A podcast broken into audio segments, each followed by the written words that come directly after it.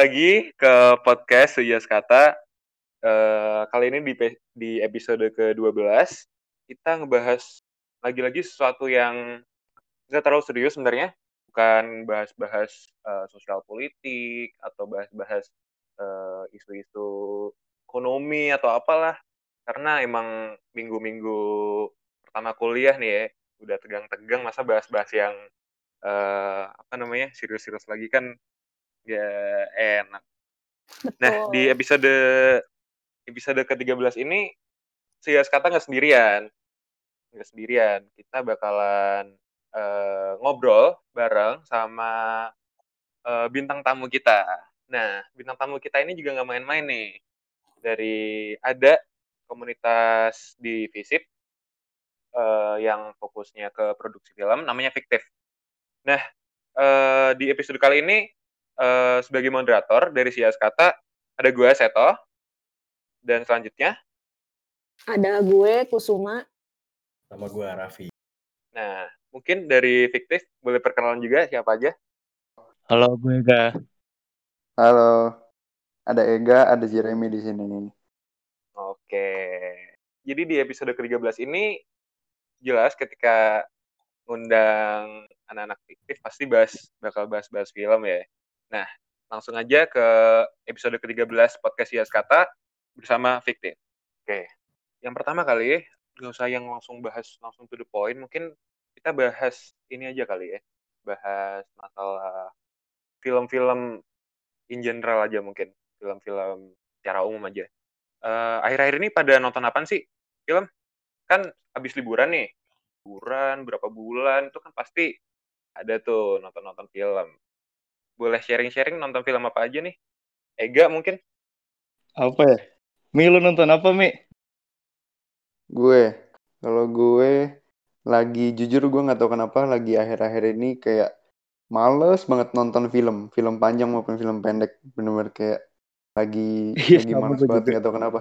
Jadi akhir-akhir ini gue lagi nonton hmm. lagi nonton sitcom sitcoman yang bener-bener enteng banget gitu. Gue akhir-akhir ini lagi nonton Modern Family di Netflix. Itu doang. Oh. Kalau lu gak?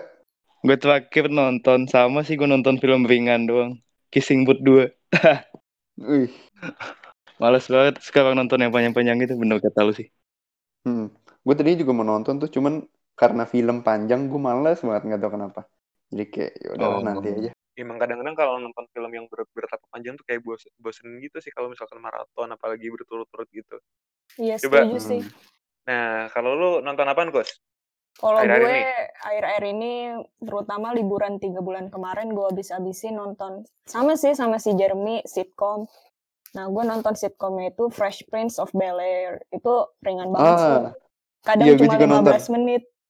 Asik kan tuh, lumayan tuh. Hmm, gue juga nonton itu itu lucu. Pelepasan hmm. kuliah, yoi. Bener bener. Anjing. Kalau lu, Vi? Gua, gua tuh sebenernya jarang nonton film ya, cuman karena lama gitu durasinya rada mager. Cuman terakhir film yang gue tonton tuh panjangnya tiga jam men. Hamilton. Buset. Hamilton, Hamilton musical. Oh. wah gue gue sebelumnya kan emang suka banget denger ininya albumnya lagu-lagunya. Lin Manuel Miranda kan? Mm. nah, pas keluar di Disney Plus gue tonton keren banget sih emang. Walaupun gue gak pernah nonton musikal ya sebelumnya cuman ini standarnya tinggi lah gila Anjing. Gokil. Gue nggak terlalu ini nih kalau film-film musikal. Paling juga sebenarnya ini sih film-film sitcom-sitcom gitu gue juga paling nonton Friends, tapi berhubung Netflix gue apa namanya Netflix gue udah ini nih expire mau mau mau subscribe lagi lagi bokeh ya kan ya udah gue nonton film-film yang yang di gue download di laptop aja paling terakhir gue nonton Call Me By Your Name belum sampai setengah gue nonton. Terus yang akhir-akhir paling kelar sih ini sih filmnya Wong Kar Wai Fallen Angels. Oh. Nah oh iya tuh. asik asik banget sumpah keren banget. Iya yeah, iya yeah, yeah. nah kan ini nih apa namanya uh, nonton kayak ya ada nih masa-masanya pas nonton apa namanya nonton nonton aduh lagi malas nih nonton film berat-berat nonton film panjang-panjang nih. Cuma pengen nonton film doang nih. Nah hmm. uh, ada yang namanya preferensi-preferensi gitu tuh. Kalau menurut uh, lu pada nih film-film yang bagus tuh kriterianya kayak gimana sih? Kayak kriterianya apa nih yang bikin film ini wah gue suka nih. Apakah ada pesan apakah ada apa namanya dari screenplaynya sinematografi atau warnanya gitu-gitu. Mungkin Ega dulu apa Jeremy boleh? Kalau dari gue gue sebenarnya nonton film bebas sih. Tapi biasanya kalau gue penekanannya gue nyari film yang gimana ya? Nggak terlalu cerita itu nggak terlalu muluk-muluk kayak ya terlalu berlebihan gitu lah plotnya enteng tapi bagus penyajiannya. Lebih gue lihat lebih penyajian jalan ceritanya hmm, sih kalau gue hmm, jalan ceritanya ya berarti ya. setuju sih gue sama Ega. Kadang gue juga uh, apa ya contohnya? Ini boleh apa ya menurut gue doang sih cuman uh, film apa ya tuh kemarin? Yang paling gue inget tuh We Are The Millers. Itu menurut gue kome kan komedi tuh sampai terkenal buat buat meme gitu kan. Nah cuman begitu hmm. gue nonton kayak apa ya ceritanya gue pikir udah mau kelar nih kayak uh, jalan-jalan-jalan terus oh ternyata ini udah udah gue pikir ini udah resolusi ternyata itu begitu gue pencet layar gue terus kan kayak keliar kelihatan barnya gitu kan ternyata baru setengah film itu gue langsung ya kok baru setengah gue udah gue udah capek nontonnya gitu kayak langsung ya, cabut ya Iya akhirnya ya elah baru setengah doang. Akhirnya gue cabut gue gue kayak kelarin. Soalnya kayak ceritanya terlalu muter-muter muter-muter gitu. Man, terus menurut gue juga komedinya terlalu ringan gitu lah. Tapi uh, not judging ya nggak tahu sih itu menurut gue doang. Tapi kalau dari gue sendiri sebenarnya gue lebih demen apa ya cerita yang enteng tapi pembawaannya apa ya pembawaannya biasa kalau misalkan lo nonton nggak tau deh kelihatan deh gue bisa lihat kalau orang kayak dia beneran bikin filmnya tuh stylenya dia terus dia kayak jujur gitu loh bikinnya kayak ada lah gitu kelihatan dia dia, dia bikinnya tuh tulus gitu loh dan oh, dan itu iya. enak kok enak enak buat dinonton gitu loh gue setuju nah. tuh sama pendapat Jeremy tuh kadang ada nggak hmm. sih beberapa sutradara yang punya stylenya sendiri? Jadi kayak kita nonton film ini yang baru dan kita nggak tahu nama sutradaranya. Tapi pas kita tonton kita langsung kayak wah ini pasti ini dan pas lu wah, cari di Google bener iya. nih. Iya bener bener, iya. bener. Kayak bener-bener wah anjir kayak ini bang ini banget nih gitu. Kan pertama kali nonton awal-awal gitu. Kayak oh pantesan gitu. Kayak lu apa kok sama. Kalau menurut lu film yang lu yang keren tuh kayak gimana nih kalau menurut gue gue setuju pendapat Jeremy beberapa sutradara emang punya ciri khasnya sendiri cuma jujur ya kalau gue untuk akhir-akhir ini mungkin udah nggak terlalu fokus ke kompleksnya cerita lebih ke ini filmnya bakal bawa di gue tuh feelnya kayak good vibes atau mungkin penataan kameranya atau color gradingnya kayak yang biasanya lu lihat-lihat di film Wes Anderson atau Richard hmm. Linklater. Hmm. Nah, gue lagi suka nonton yang film-film mungkin tuh cerita ringan, cuma kalau dilihat di mata tuh enak gitu. Iya, benar itu benar. Hmm. Iya sih, tuh walaupun gue juga baru nonton Wes Anderson, Wes Anderson yang ini namanya Grand Budapest. Grand Budapest. Kayak, Budapest. Iya, wah itu gokil banget sih Wah itu gokil sih. Inget banget gokil. tuh zaman-zaman Oscar 2015 atau 2014 tuh.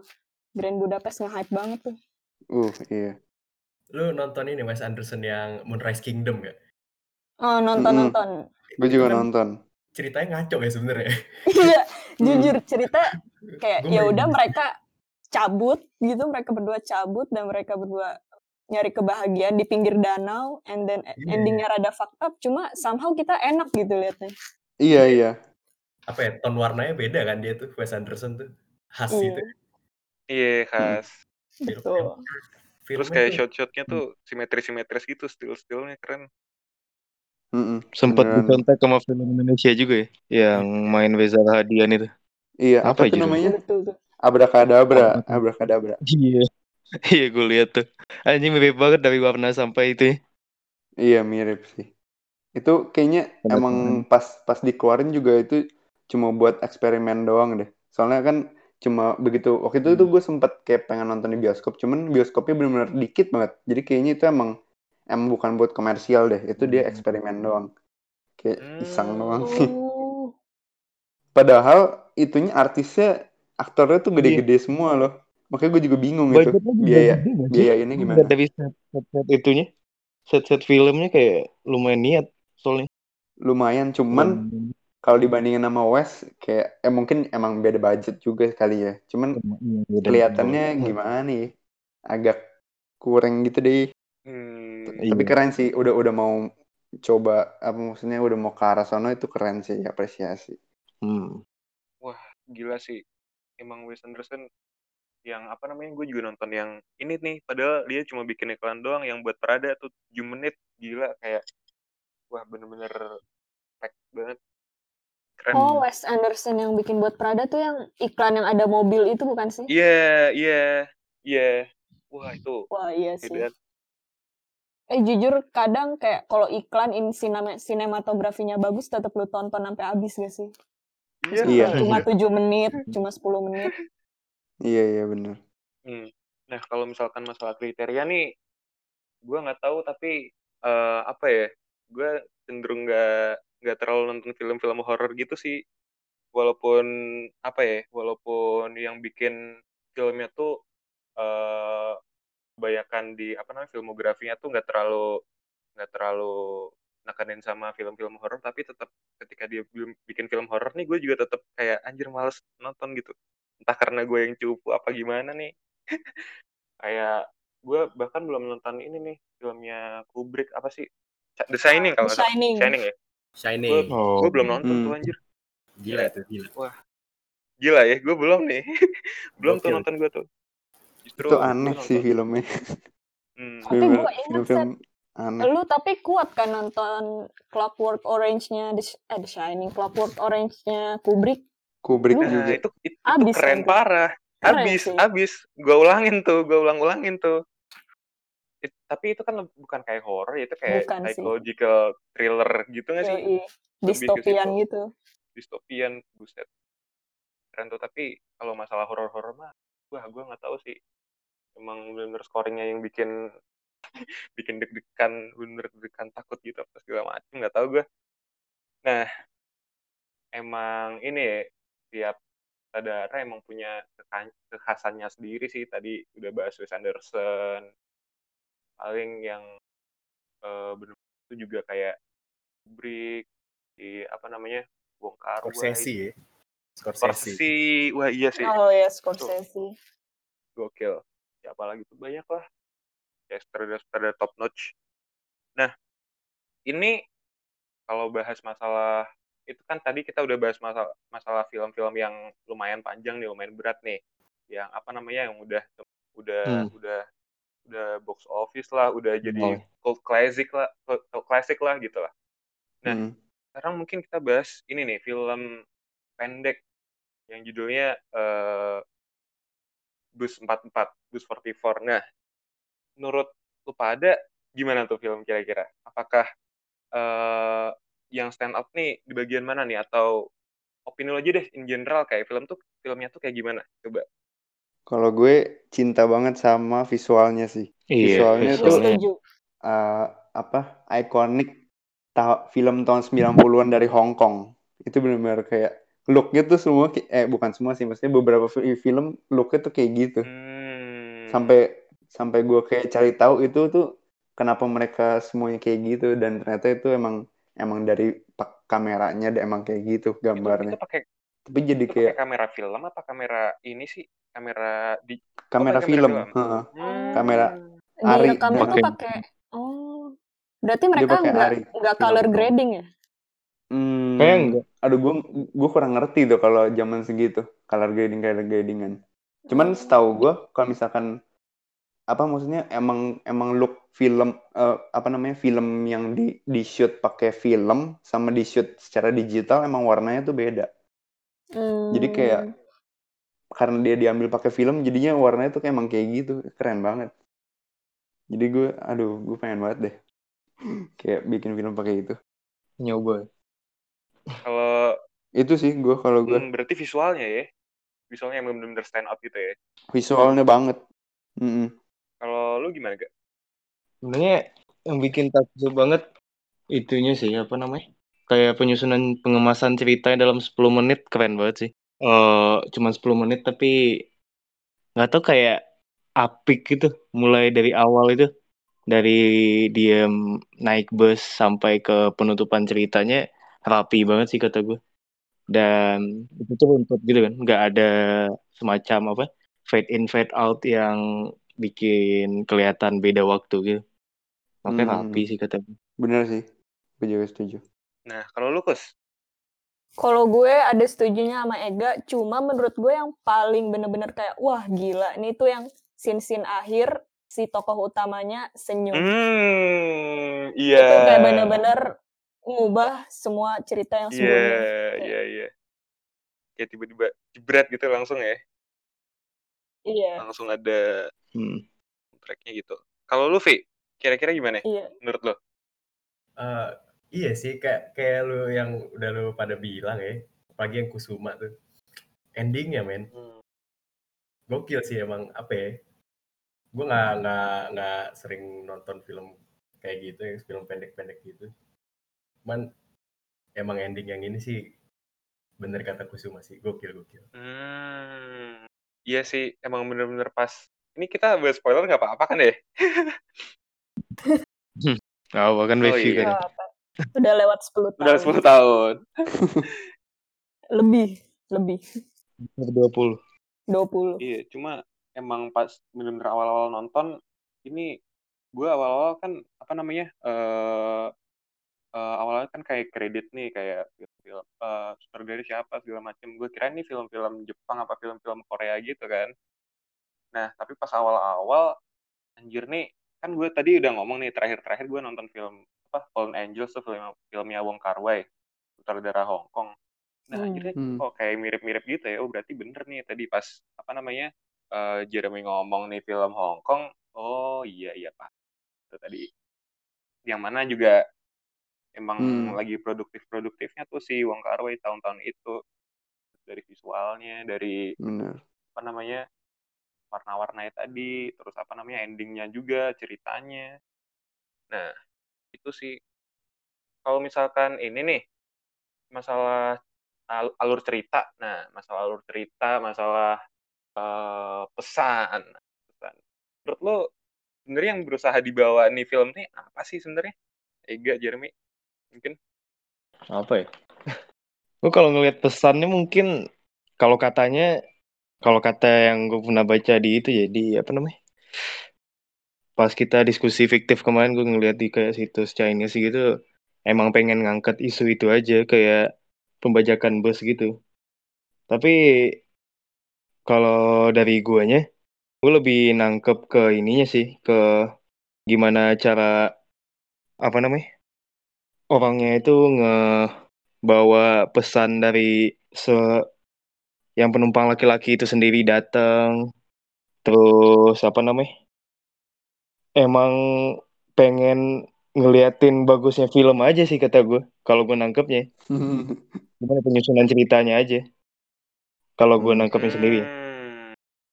Berarti kayak lebih cenderung nonjolin di sisi visualnya ya daripada apa namanya hmm. atau jalan ceritanya gitu. Apa gimana? Kalau Ega mungkin menurut lo kayak apa sih yang berusaha dibawa film ini kira-kira? Eh kalau yang gue lihat sebenarnya kalau misalnya penuturan sutradaranya emang pengen ngeliatin tentang ya emang dulu di Cina, di Cina sering ada kasus Cina Hong Kong itu ada kasus pembajakan hmm. bus di hmm. daerah-daerah terpencil gitu dan jadi pemerkosaan daerah sana kan. Oh, gitu. Sebenarnya hmm.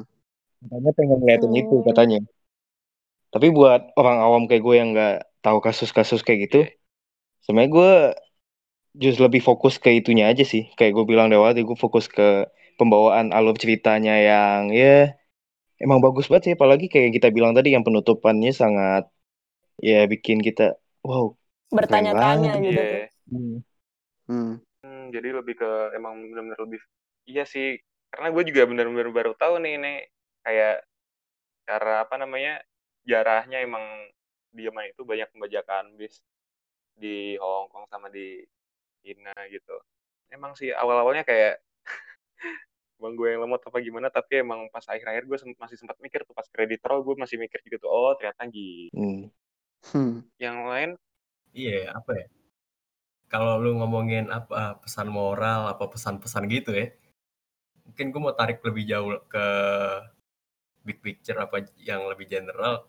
Lu tuh kalau nonton film uh, lebih milih menikmati jalannya alur cerita gitu, apa lu kayak nyari-nyari semacam Easter egg atau sesuatu di balik cerita ini gitu kayak misalnya kalau kalau lo nonton Parasite gitu ya terus setelah hmm. lu, lu pas nonton biasa nih oh iya yeah, thriller psycho orang psycho gitu gitu kan terus pas hmm. lu lihat iya. lihat Twitter ya kan lihat media sosial lu lihat oh Parasite adalah pertentangan antara kelas proletar dan ini dilihat dari hmm. kacamata masa Frankfurt gitu-gitu kan hmm. kayak hmm.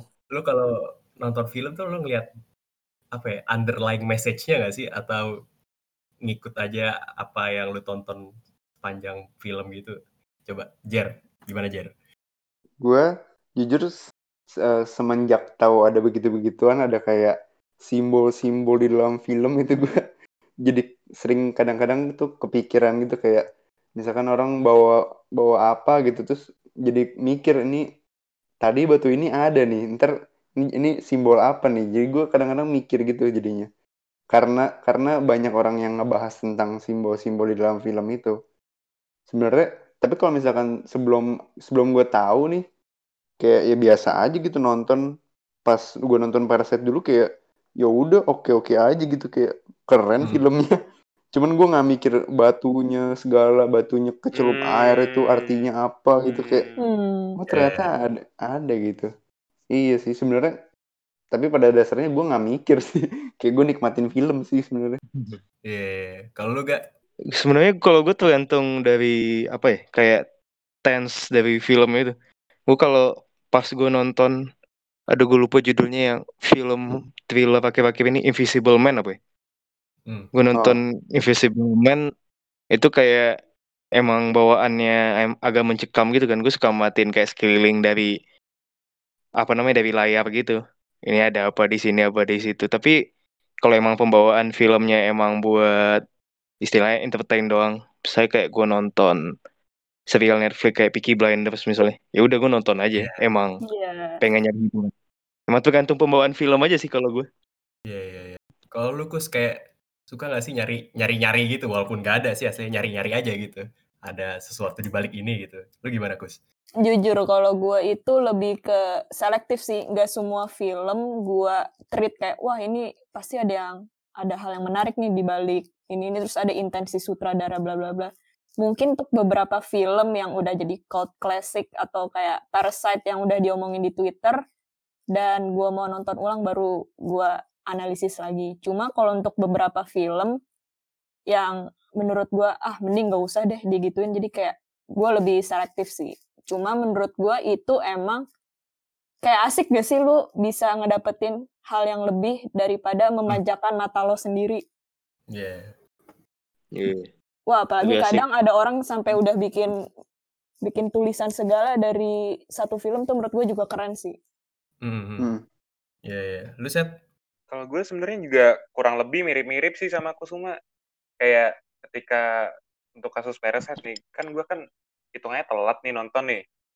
Kayak gue ngeliat hmm. Twitter-Twitter, buset nih beneran nih kayak gini nih. Kayak pertama kali gue lihat, bahkan kayak pertama kali gue tonton nih sampai kelar, ah belum nih kayaknya gue belum nangkep apa sih sebenarnya nah abis itu gue baru baca-baca bener-bener baca-baca apa nih uh, sebenarnya pesan-pesannya atau ada simbol-simbol atau bahkan ada dari hmm. rumahnya nih menggambarkan apa apa namanya kenapa rumahnya di bawah tanah segala macem terus kayak gue nonton lagi oh ternyata kayak gini nih dan juga ngelihat apa latar belakang sutradaranya yang juga kayak politik banget gitu kan hmm. kayak oh ya udah berarti gue baru benar-benar nangkep sih tapi sisanya kalau misalkan kayak gitu ini sih gue lebih fokus ke apa namanya lebih fokus ke tadi sebenarnya sama kayak visual sama plotnya aja kayak jalan cerita kayak gimana kecuali kayak yang bener-bener itu kan film-film yang lu maksud buat nyari Easter egg atau pesan-pesan di baliknya itu kan kayak implisit gitu kan secara simbolis.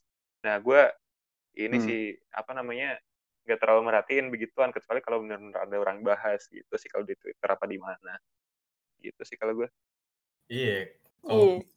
Kalau gua tuh, gue nonton film tuh nggak apa ya kagak kagak terlalu serius-serius amat gitu ya nyari nyari nyari-nyari pesan tersembunyi gitu nikmatin aja kan. Soalnya kalau udah mikir apa mikir cerita tuh males saya gitu gue jadi Parasite tuh gue nonton dua apa tiga kali gitu gara-gara peer pressure kan sama penasaran apa sih kelas apaan sih?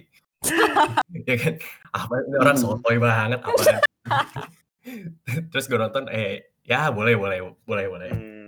soalnya iya mungkin gue bisa nyambung ke film tuh kan kalau lu lihat-lihat ada yang uh, sengaja serealistik mungkin ya kan sama sesurreal mungkin sefantasi mungkin gitu kalau lu tipe orang yang lebih suka yang realistik-realistik aja gitu apa yang sesurreal mungkin sebego-begonya gitu coba uh, Ega Jujur gue lebih suka yang realis aja sih sebenarnya.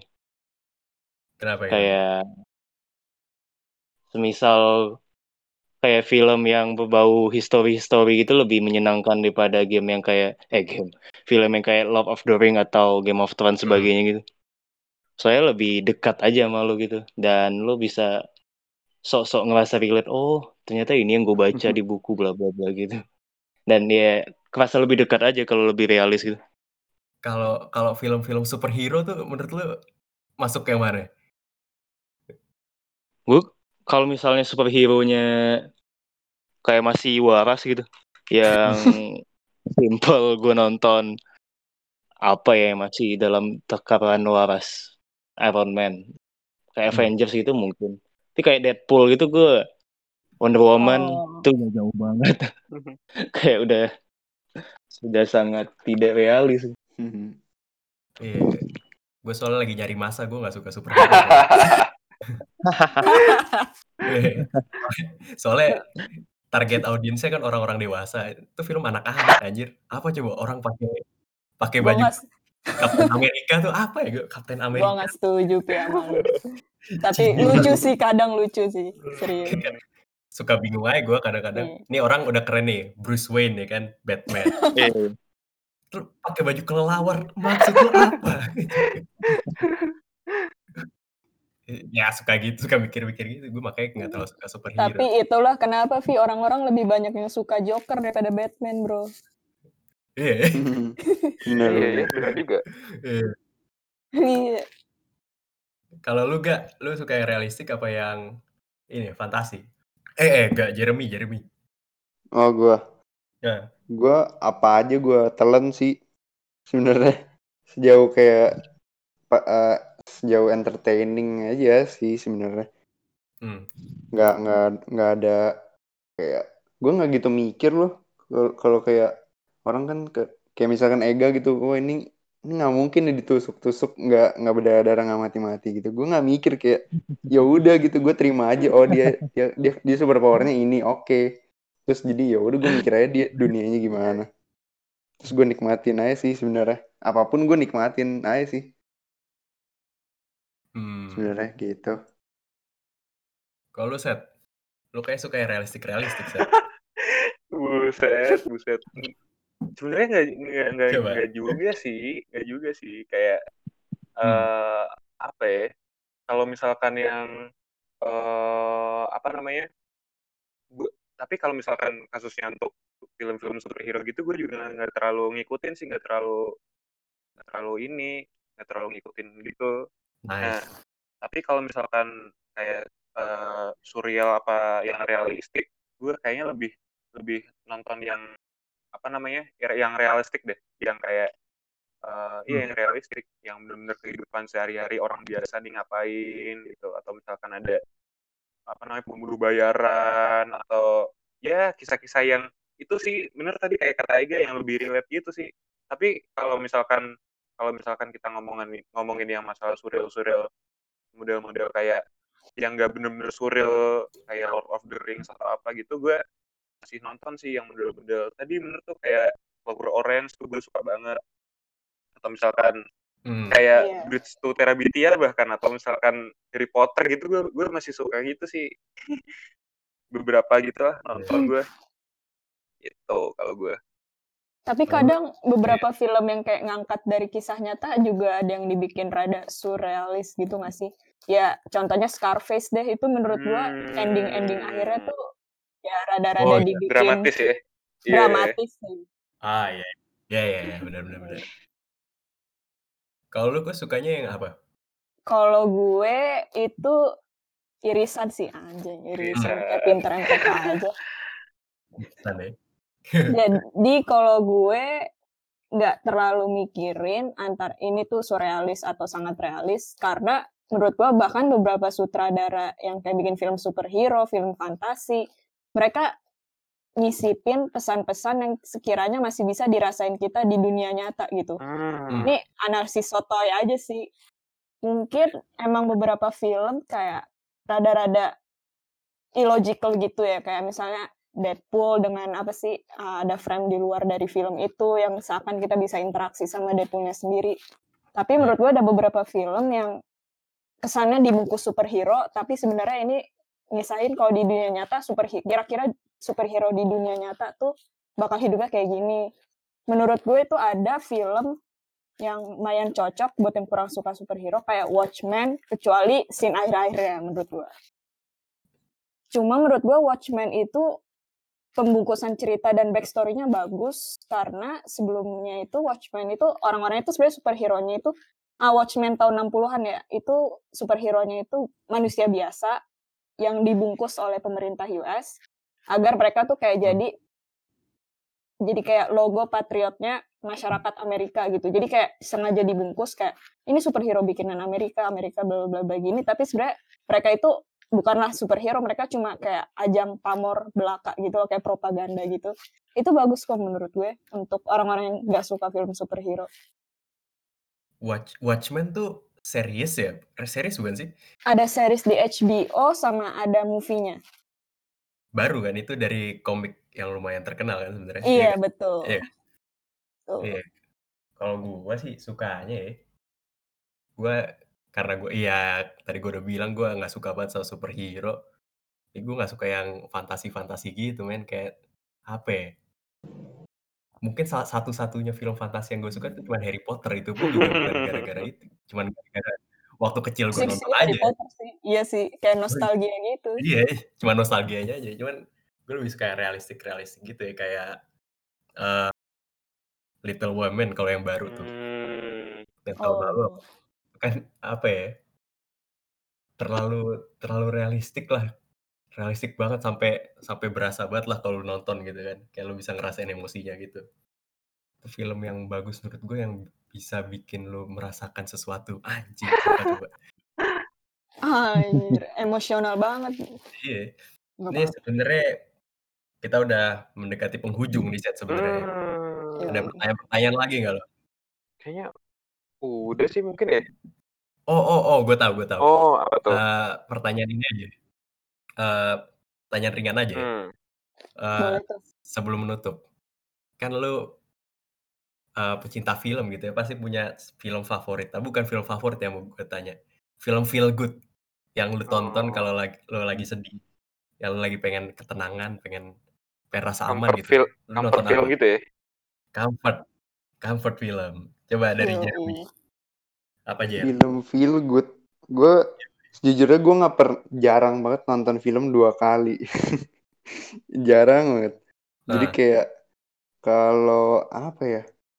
Kalau tapi tapi gue nonton film feel yang feel good itu tuh salah satu yang gue rekomend sih uh, apa ya judulnya uh, bahasa aduh apa sih pokoknya bahasa Inggrisnya tuh uh, Life is Beautiful Hmm. Ya, ya, film ya. Uh, film apa tuh namanya? Dari Prancis ya? Per, bukan peran apa sih yang pizza tuh dari mana? Pizza? Italia. Itali. Itali. Itali dari Itali. Nah itu yeah. filmnya itu oh. benar-benar bagus banget dan kayak uh, harus nonton itu keren sih. Feel goodnya benar-benar dapat banget. Gue belum nonton. Itu sih. Coba nonton. Oke, okay. gue catat sih itu. Boleh, boleh. Ega, lu apa film feel good lu? Apa ya? Hey, ini sih gue jadi kepikiran The The Revenant filmnya si siapa namanya? Caprio. Filmnya si Leo yang menang Oscar itu. Yoi. Sama si Tom akhirnya menang Oscar juga tuh. Iya. Iya. Itu bagus sih. Soalnya petualangannya kerasa aja. Panjang gitu jalan kakinya. Terus gue nggak oh, iya. aja kayak gitu. Iya, yeah. kalau Kus pasti punya banyak sih lu ya. Wah, enggak sih. Gampang sih ini. Apa deh? Gue itulah, udah. Days and Confused aja gue. Punyanya Richard Linklater. Udah paling pas itu. Hmm. Days and Confused. Yoi. Days and Confused. Oke. Okay. Tentang hippie-hippie itu kan sih? Kenapa? Iya gak sih? Kenapa? Tentang hippie, kalau gue lihat dari foto-fotonya ya. iya sih, ada ya ada beberapa drugs, ada juga kumpulan remaja yang hippie. Betul sih. Wah, one to watch, gue pengen nonton tuh. Kalau set? Apa ya? Paling gue ini sih uh, sebenarnya nggak cuma satu film doang tapi ini saya film yang ada apa namanya sequel sequel yang gitu ini apa namanya Back to the Future wah hmm. itu gokil banget sih Back to the Future satu dua tiga tuh wah iya kayak ya kayak nontonnya nggak usah mikir seru lucu lucu aja gitu kayak gimana hmm. orang-orang hmm. dulu ngebayangin masa iya. depan tuh kayak gimana mobil-mobilnya terbang lucu sih Nike-nya iya, sih yeah, Nike. yang paling iya. ikonik yeah. tuh Nike-nya tuh. Hmm. Iya. Yeah. Kalau kalau gue apa ya? Mungkin agak cheesy ya. Film Natal namanya Love Actually. Oh, tahu-tahu. Itu yang banyak artisnya bukan sih? Iya, iya, yang banyak banyak yang perspektif di... ceritanya dalam satu film. Itu dulu di Distara tuh sering banget tuh dijadi apa namanya? urutan paling depan kalau dijual CD-CD gitu. Aduh kangen yeah. gue sama Distara. Love Actually itu yang main si ada Liam Neeson, ada yang Profesor Snape, siapa namanya lupa gue. Oh iya iya iya. Itu ada ada ada Dr. Watson, Dr. Watson-nya Sherlock yang UK yang series gue lupa juga namanya siapa. Itu filmnya feel good-nya feel good banget, ringan, terus ada heartbreak-nya tapi ada redemption-nya Gue setiap hmm. Natal nonton itu sih sebenarnya. Wah gokil. Lu harus nonton men, Love Actually, walaupun okay. cheesy. Oke. Okay. Boleh, boleh, boleh. Dari penghujung kayak kita, set. Coba, set. Dari penghujung ya? Sebenarnya hmm. uh, ini sih kayak belum sah aja gitu. Kalau misalkan ini nih kita ngundang narasumber tapi nggak kenalan lebih dalam nih nggak kenal lebih dalam sebenarnya hmm. uh, tiba-tiba diundang nih ya kan? Dari mana nih? Dari nah sebenarnya nih apa namanya mungkin para pendengar nih belum tahu atau kurang tahu nih sebenarnya itu fiktif itu apa sih? Kan komunitas di di visip nih banyak nih komunitas di visip nih banyak. Apalagi sekarang zaman zaman uh, mahasiswa maba-maba mulai masuk nih kan pada nyari nih kira-kira yang mana cocok sama gue nih apa nih ya kan nah boleh nggak dijelasin nih kira-kira hmm. fiktif itu apa sih sebenarnya komunitas apa sih? Sebenarnya sebenarnya fiktif itu bisa gue bilang rumah produksi film visip sih. Kayak di sini kita pengennya bisa bikin film bareng-bareng. Yang belum bisa bikin film kita sama-sama gitu belajar. Tapi nggak cuma bikin doang, kita juga kayak kayak belajar juga gimana cara makanya ada diskusi film juga kan kita gimana cara hmm. film lain ngebikin film biar kita paham juga. Hmm Terus gimana aja? Basically gitu sih. Dan tahun ini hmm. kebetulan kita kan uh, apa ya? Memulai memunculkan batang hidung lagi setelah sekitar dua tahun hilang nih. Nah, jadi hmm. kayak gimana ya? Di ya fiktif ini bisa lah jadi wadah untuk uh, apa target sasaran kalian buat yang mau join komunikasi. Eh komunikasi. Komunikasi. Mau join komunikasi ketahuan. Ketahuan. Fiktif lah deh. Yang mau join komunitas boleh lah yang demen film. Hmm. gitu sih.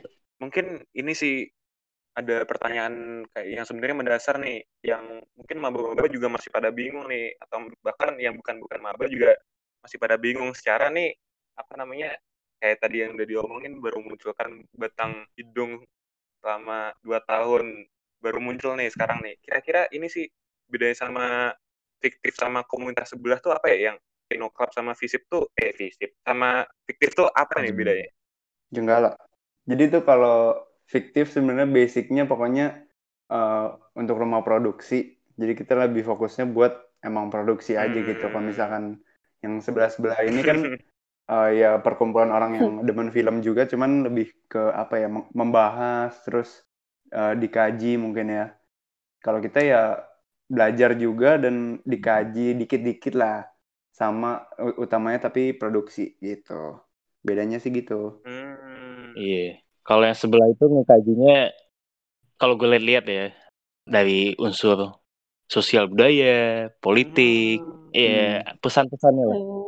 Kalau kita ngulik film, bisa mungkin kita pengen dapat tekniknya gitu, teknisnya kayak ini gimana sih cara film ini gradingnya gimana, terus kayak scoringnya bla bla bla ya hmm. lebih ke gitu sih pengen. Berarti emang fokusnya ke produksi film ya dari sisi teknisnya bikinnya kayak gitu segala macam gitu ya.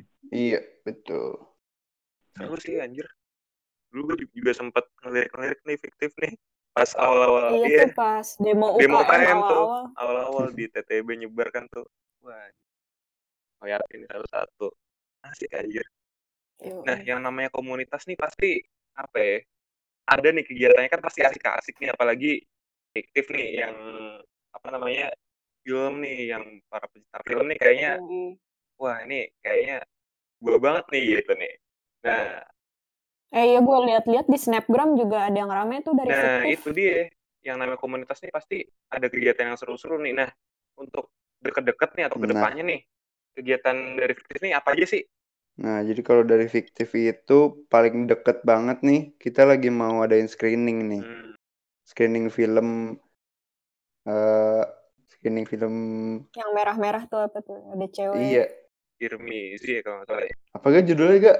Kirim ini aduh gue sampai yeah. lupa nah ya jadi bisa sih semua orang yang mau join bisa langsung uh, ada di buka aja IG-nya fiktif di Instagram langsung terada linknya gitu itu sih yang paling hmm. deket terus hmm. uh, untuk tapi ada project gede yang akan datang nih gak? Ya, eh. kasih tahu gak? Bantu. Boleh nih. Iya. Nah ini buat periode mendatang kita bakal ada proyek bareng kereta seni. Hmm. 2021 ya berarti. Betul, yeah. 2021. Ini produksi film pertama kita sebagai komunitas yang akhirnya bangkit kembali. Ini film pertamanya. Mm -hmm. Setelah sekian lama. Gokil. Jadi tungguin aja Maret 2021. Ya, nggak sabar ya berarti udah tahun depan ya berarti rilis asik banget nih. Yoi. Yoi. Insya Allah, doain. Ya. Asik sih, asli deh. Kayak. Iya. Uh, Sama BTW kemarin gue nonton tuh kereta seni bagus banget teasernya gitu. Sama tuh, gue juga nonton. Ada miminya. Iya, anjir. Keren ya. Keren parah asli untuk tim kereta seni dan tim teaser lo keren banget gila. Gokil. Gue ulangi dua kali nonton kayaknya. keren, keren, keren. Nah, mungkin udah di penghujung ini ya, penghujung ini podcast. Cukup di sini aja kali daripada kepanjangan. Sekian uh, episode ke-13 bahas-bahas film sama uh, fiktif komunitas produksi film di Visip UI. Jangan lupa follow IG-nya Fiktif juga di Instagram ada sama follow IG-nya saya Kata juga dan follow uh, kanal podcastnya juga di di Spotify. Sekian podcast ke-13 bersama Fiktif Visip UI dan Sias Kata. Uh, Sias Kata dan Fiktif Visip UI. Cabut dulu. Dadah.